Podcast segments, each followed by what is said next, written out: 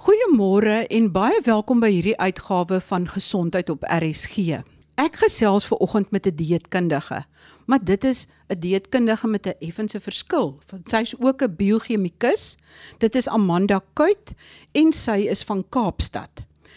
Amanda, jy het 'n ander manier van kyk na dinge. Dit is nie net dat jy iemand weeg en dan besluit hy soveel kilogram oorgewig en dan moet hy net doodgewoon minder kalorieë inneem of meer kalorieë verbrand nie. Vertel vir ons meer oor wat daai groter prentjie is waarna jy kyk. Baie dankie dat ek die geleentheid kry om 'n bietjie te gesels my benadering is om holisties na die pasiënt te kyk en alle faktore in ag te neem. So ek sal byvoorbeeld 10 jaar se bloedtoetse aanvra um, om ook te kyk na enige gesondheidsprobleme wat dalk al vir lank nie aangespreek is nie en dit alles in ag neem om dan spesifiek 'n plan vir die spesifieke pasiënt uit te werk en ook om dan voorkomend op te tree vir moontlike siektetoestande wat in die toekoms kan plaasvind. Ons kyk nie na ons liggaam soos wat ons na 'n motor kyk nie. 'n Motor kan nie bestuur net met 'n spieeltjie nie, want dan sou nie 'n motor nie. Net so kan 'n liggaam nie funksioneer as jy nie alle komponente in ag neem nie. En die eet of kos speel so 'n belangrike rol want dit is 'n netwerk van goed wat gebeur in jou liggaam as jy byvoorbeeld 'n happie van enige kossoort neem. En dit is waarna ons kyk ek kyk ook na volhoubaarheid. Dit help nie ek sê vir jou jy moet een of ander snaakse pypie gaan kry wat jy net in 'n klein winkeltjie op 'n snaakse plekkie kan kry nie en die ding is so sleg jy kan in jou lyf kry nie. Dan bereik ons niks nie. So ons gebruik alledaagse kossoorte om op die ouende vir jou te help om voorkomend op te tree. Op hierdie punt het Amanda my meer vertel van wat mens alles kan vasstel oor die liggaam presies hoeveel water daar is of dit binne of buite die selle is, hoeveel proteïene, hoeveel vet en hoeveel koolhidrate daar in elke lyf is wat getoets word. Sy het ook meer vertel oor die gebruik van kommersiële genetiese toetse wat vir jou vertel presies wat jy dan behoort te eet of nie te eet nie. Sy het ook meer vertel oor die anti-inflammatoriese dieet en die gebruik van vesel.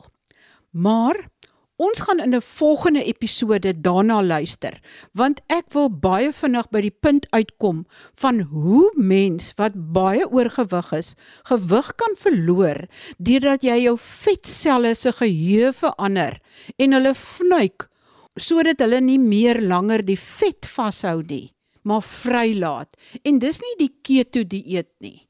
Maar sy vertel self verder. Okay, so ons moet eerstens net sê jy word gebore met 'n hoeveelheid vetselle en hulle is jou maatjies en hulle gaan altyd daar wees en hulle kan groot of klein word, soos jy nou gesê het. Vet sel. So dis 'n sel en 'n sel het sekere geheue in hom. Net soos wat ons praat van spierselle wat 'n geheue in hom het. As jy lekker baie geoefen het as jy jong kind was, bly daai geheue in daai spiermassa. Nou dieselfde met vetmassa. Die eerste studies wat vir ons begin wys het dat vet 'n sel is en dat hy amper 'n identiteit het. Hy kan sekere goeders doen hierdie sel. Is die eerste keer gedoen met prembabietjies wat hulle so oorvoed is. In daai eerste tydjie wat hulle so geweldig baie kossies gekry het, het hulle vetselle 'n ander memory gekry of 'n ander geheue. So hulle kanse om baie oorgewig te raak later in hulle lewe is baie groter omdat hierdie vetselle se kapasiteit groter is. Hulle geheue is groter. Hulle hou van meer vet stoor. So die beginsel wat ek gebruik, ons noem dit diet induced thermogenesis. Wat dit beteken is dat daar is 'n spesifieke hitteproduksie in kos as jy dit eet. So om kos te verteer beteken daar is energie wat betrokke is om daai kos te verteer. As jy die regte balans van proteïene, koolhidrate, vette en natuurlik vesel insit, dan is dit moeilik vir die liggaam om daai te verteer en hy het al hoe meer energie nodig. En dan kry ons dit gewoonlik van vetselle af. Want vetselle stoor energie vir die liggaam. So as jy hom so stimuleer, dan sê ons vir die liggaam en ons veroorsaak natuurlik so klein bietjie tekort in die kilojoules om vir die liggaam te sê die liggaam self of ons het nie nou genoeg nie en dit moet van vetselle afkom en dan sal jou vetselle dit vrystel aan die stelsel en jou stelsel begin die energie te gebruik. Jy kry exercise induced thermogenesis. Met ander woorde as jy oefen, eet jy mos jou vetselle op. Dieselfde gebeur as jy jou kos op 'n sekere manier kombineer, genoeg vesel insit, kry jy dieselfde effek in die liggaam. En dan verander ons daai geheue van die vetsel. Daar's baie min studies al gedoen om vas te stel hoe lank dit vat om geheue permanent te verander en of ons dit permanent kan verander. Wat ek maar oor die jare gesien het, ek is nou al ja, 20 plus jaar in praktyk, is dit dit vat omtrent so 5 jaar as jy jou gewig klaar verloor het en jy handhaaf dit vir 5 jaar, dan raak dit al hoe moeiliker om daai vetsel te stimuleer om weer oortollige vet te stoor. Dit vat dan 'n rukkie. So jy gaan dan heel waarskynlik kan ooreet vir 'n rukkie voordat dit weer net omsit in vet. Daar is natuurlik ook nuwe studies wat vir ons wys veral met ons moderne uh, lewenstyl en ons spanning wat ons het, is daar 'n klas ontwikkel, hulle noem dit sarcopenic obesity wat beteken dat ons liggame aggressief vet stoor en al ons energie wat ons amper eet, gaan onmiddellik na vetselle toe. En daar is amper nie energie vir ander stelsels of prosesse in die liggaam nie en dan begin ons allerlei siekte toestande ontwikkel. Hulle noem dit ook the new thin fat. Jy lyk like, maar Maar as jy die toetse gaan doen om te kyk wat jou spiermassa en jou vetmassa, dan kom jy agter daar's 'n groot diskrepansie. Want jy het omtrent dubbel die hoeveelheid vetmassa as wat jy spiermassa het. En dit veroorsaak 'n inflammatoriese proses in jou liggaam en dit veroorsaak ook jou verouderingsproses gaan versnel. Jy raak swak. En dit het alles te doen dat die liggaam stres, hy dink daar's 'n tekort aan kosse of nutriënte En dan begin hy hierdie vetsel te stimuleer om te sê maar kom ons stoor maar. Onthou ons vetselle is ook gemaak in ons liggaam om jou te beskerm dat jy kan oorleef. En met ons moderne lewenstyl en min aktiwiteit dink ons liggaam ons hardloop weg van 'n leeu af en ons kom net nooit weg nie. En dan stoor ons al hierdie vet. Ons gebruik dit nie. En dit is waar hierdie beginsel dan in plek kom wat ons sê, okay, maar kom ons stimuleer die liggaam weer reg want elke sel moet verander met die nuwe impuls wat hy kry. So as jy hom die heeltyd die regte stimulant vir daai sel gee, dan gaan hy reg begin verander en 'n nuwe geheue begin ontwikkel. En dis alles moontlik met normale kos.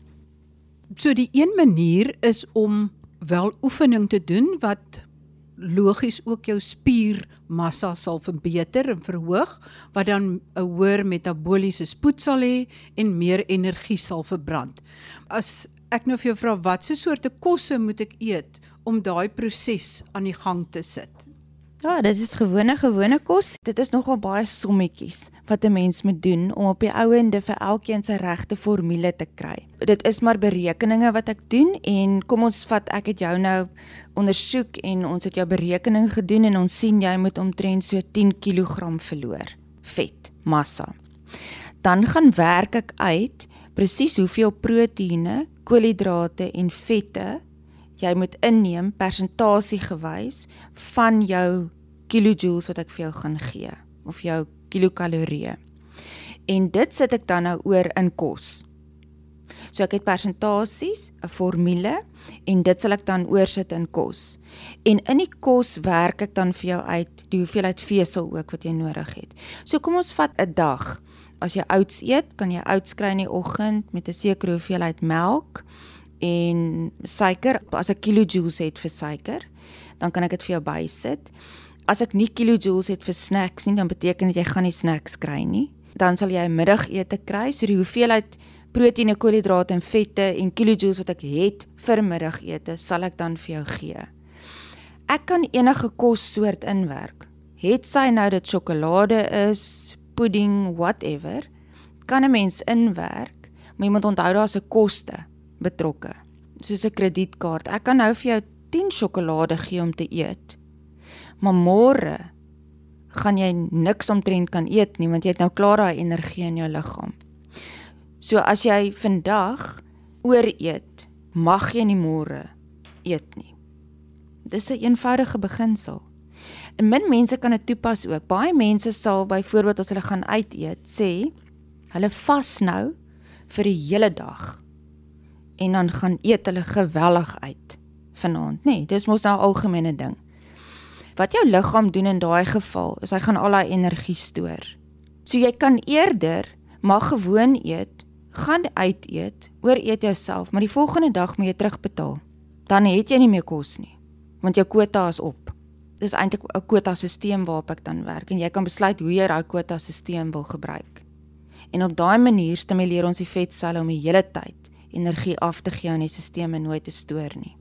Met ander woorde, een van die aspekte is kalorieë, maar die ander aspek is die persentasies of die hoeveelhede van die verskillende soorte kosse, die proteïene, koolhidrate en die vette. Ja, dit is reg. Ek gebruik ook faktore soos hoe slaap jy? So as jy byvoorbeeld 8 ure slaap, dan jy minder kos nodig. As jy 4 ure slaap, gaan jy meer kos nodig hê.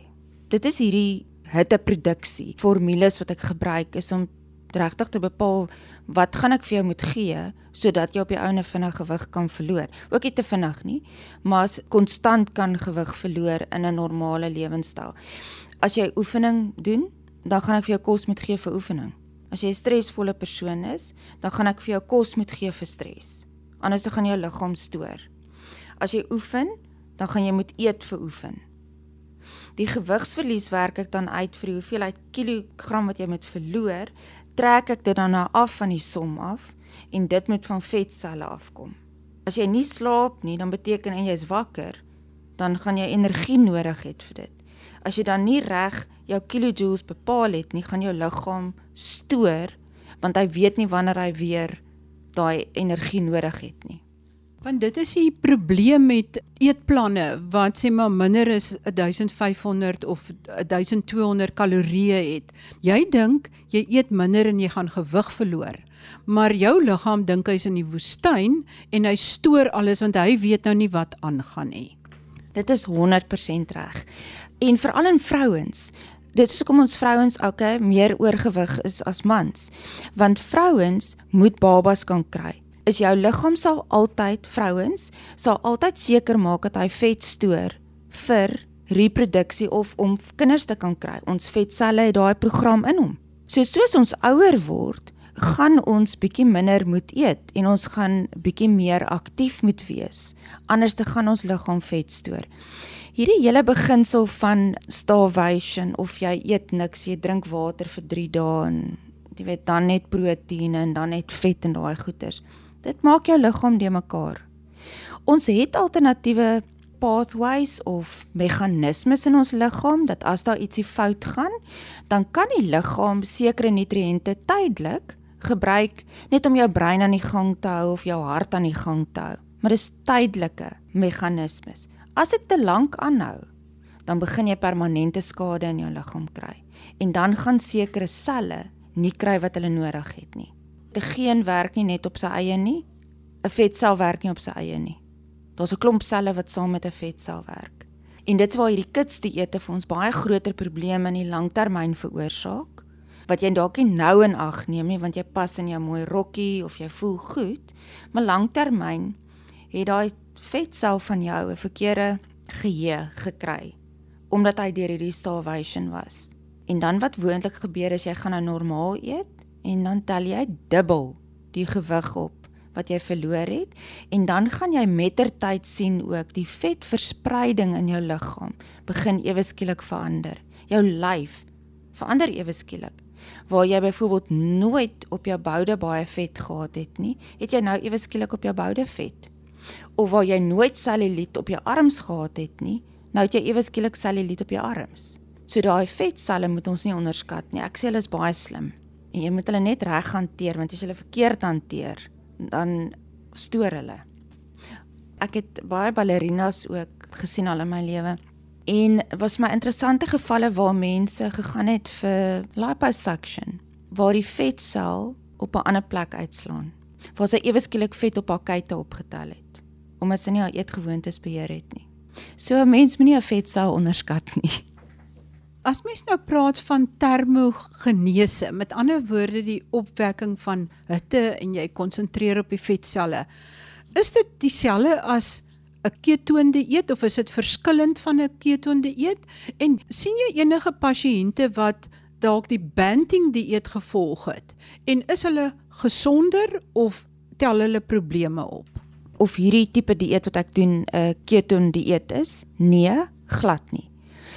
Ek gaan gou-gou vir julle verduidelik wat banting of hierdie ketoon dieete behels. Jy kan ketone in jou liggaam produseer deur verskeie metodes. Jou eerste metode is jy eet net baie minder. Jy gaan in starvation in. Dan veroorsaak dit dieselfde ketone as wat jy deur vet kry. So ons het 3 molekules wat ons liggaam nodig het op 'n biochemiese vlak. Elke liewe sel in jou lyf het die 3 molekules nodig: proteïene, koolhidrate en vette. Ons liggame het ook 'n meganisme dat as daar iets in die omgewing verkeerd gaan en daar is nie proteïene beskikbaar nie, kan ons liggaam tydelik proteïene genereer. Of ons sien ewe skielik daar is nie koolhidrate nie, dan kan ons liggaam deur middel van vette en proteïene ketone produseer wat oor ons breinskans kan gaan wat vir ons brein kan energie want jy moet onthou jou brein hardloop op glikose. Nou dan nie glikose nie, so hy moet elders anders te energie kry. En dan is dit ketone wat gebruik word. So die oorspronklike ketogeniese dieete is 'n mediese dieet wat ons gee vir kinders met epilepsie. En dit verander hulle breingolwe soos daai ketone oor die breinskans gaan om hulle medikasie te verbeter. Maar hulle drink vet. En dit is maar waar die banting en daai goed vandaan gekom het. Dit is glad nie gesond nie, want wat ons inteendeel sien, is mense wat vir langtermyn op ketogeniese dieete was, hoë vet dieete, se risiko vir kolonkanker is baie hoër. En die literatuur wys dit vir ons en ons sien eintlik hierdie pasiënte. Die ander ding met ketogeniese of hoë proteïen dieete, jou niere kry swaar. Jou niere het suiker nodig. Ek het nie reëls gemaak nie. Die Here het ons so geskape. Jou nier het glikose nodig. So gee vir hom glikose. Moenie net vir hom proteïene gee nie want dan gaan hy nie kan funksioneer nie. So jy het 3 molekules nodig. Jy kan nie net op koolhidrate lewe nie. Jy kan nie net op vet lewe nie. Jy kan nie net op proteïene lewe nie. Jy het al 3 molekules nodig. En dit is regtig gevaarlik. Jy speel met jou gesondheid as 'n mens hierdie snaakse dieete begin volg. As jy dan kinders behandel met epilepsie, dan is daai ketogeniese dieet is tydelik om basies die breingolwe te verander en dan kan hy weer afgaan en normaal eet. Is dit korrek?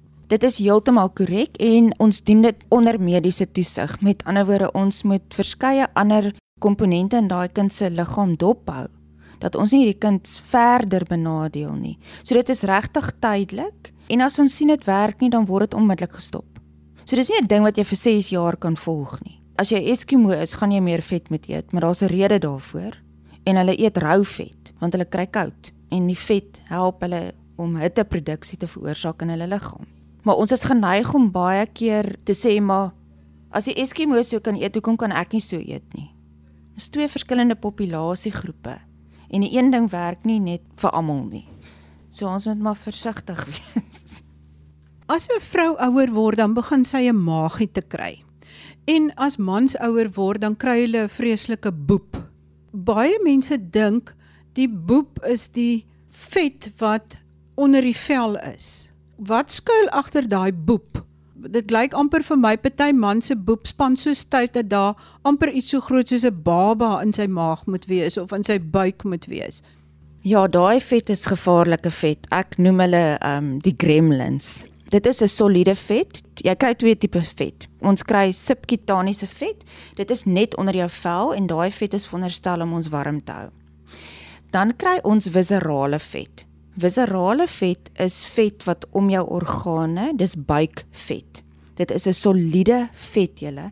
Dit is nie babbeltjies en oulike sulke vetjies wat net kan verdwyn nie. Dis 'n soliede, soliede vet soos 'n uh, varkvet aan 'n stuk varkvleis. Daai tipe uh, vet is wat ons dan in die buik kry.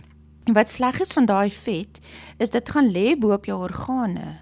Dit kan jou organe infiltreer dan lyk dit amper soos skilpaadjies, net met die netvet wat so om die organe is. Dis wat in jou lyf gebeur het, is vieslike vet. Hierdie vet is ook pro-inflammatories, uh, dit veroorsaak geweldig baie siekte toestande. So ons is nie veronderstel om boepies en magies te hê nie, want dit is daai vet wat begin vorm. En dan het ons natuurlik 'n bietjie subkutaan met ander woorde onder jou vel, maar die hoofvet is maar daai viserale vet. Baie van die meetinstrumente, my skaal kan dit meet en ons meet dit in liters. En dit is baie keer skrikwekkend as 'n mens jou meet en jy sien jy 10 liter van hierdie vet wat ons nou moet wegkry. En dit is maar weer eens daai vet moet vrygestel word aan die stelsel, jy moet dit opgebruik. En dis waar die oefening en dan maaltydbeplanning vandaan kom. Sjoe, soos professor Tess van der Merwe altyd sê, die viscerale vet is eintlik op die ou end amper soos 'n orgaan op sy eie, maar baie toksiese orgaan. Ja, absoluut. En hy het 'n wil van sy eie. Dit is ook eintlik skrikwekkend om te dink dat weer eens dat 'n sel, daai viscerale vet sel, so kan optree op die ou ende en dat hy mense kan doodmaak. So ons skrik altyd as ons sê ons het kankerselle en jy's dit gaan ons doodmaak en alles, maar ek dink 'n mens moet net so bang wees vir 'n vetsel. Want hy kan groot probleme in jou liggaam veroorsaak. En ons is geskape om nie vet te wees nie, julle. Ons is regtig geskape om lean, met ander woorde, mooi spiermassa en sulke goeters het. As jy gaan kyk na die Boesmans, dit is altyd vir my daai studies en hoe hulle gaan kyk het na as hulle trek, hoe hulle eet en hulle lyfies verander en dan gaan jag hulle. En dan kom hulle terug, dan s hulle lyfies maar. Want hulle het al daai vet gebruik. Wat hedendaags by ons gebeur, is ons eet asof ons gaan jag, maar ons jag nooit nie. En ons word net vetter en vetter. Amanda, as jy een enkele uitstaan boodskap het wat jy wil hê die mense moet van kennis neem en onthou. Wat is daai enkele boodskap wat jy sal wil oordra? Moenie goed vir soetkoek opneem nie. So die boodskap wat ek vir jou wil gee is moenie snaakse dieete en goed volg nie. Ondersoek dit. En eenvoudige goed wat jy in jou dieet kan verander. Soos wat ek nou-nou gesê het, is sit vesel by. Eet 'n bietjie meer groente. Eet gereeld. Pas op vir bemarking en moenie alles glo wat daar buite gesê word nie. Dit is aan die einde van vandag se program. Volgende week fokus ons dan op wat presies mens kan vasstel as jy meet wat binne jou liggaam wil aangaan met 'n interessante skaal wat eintlik meer soos 'n skandeerder is.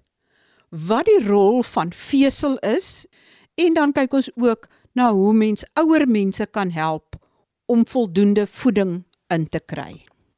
Tot volgende week dan wanneer ons weer oor gesondheidsake gesels. Baie groete van my, Marie Hudson.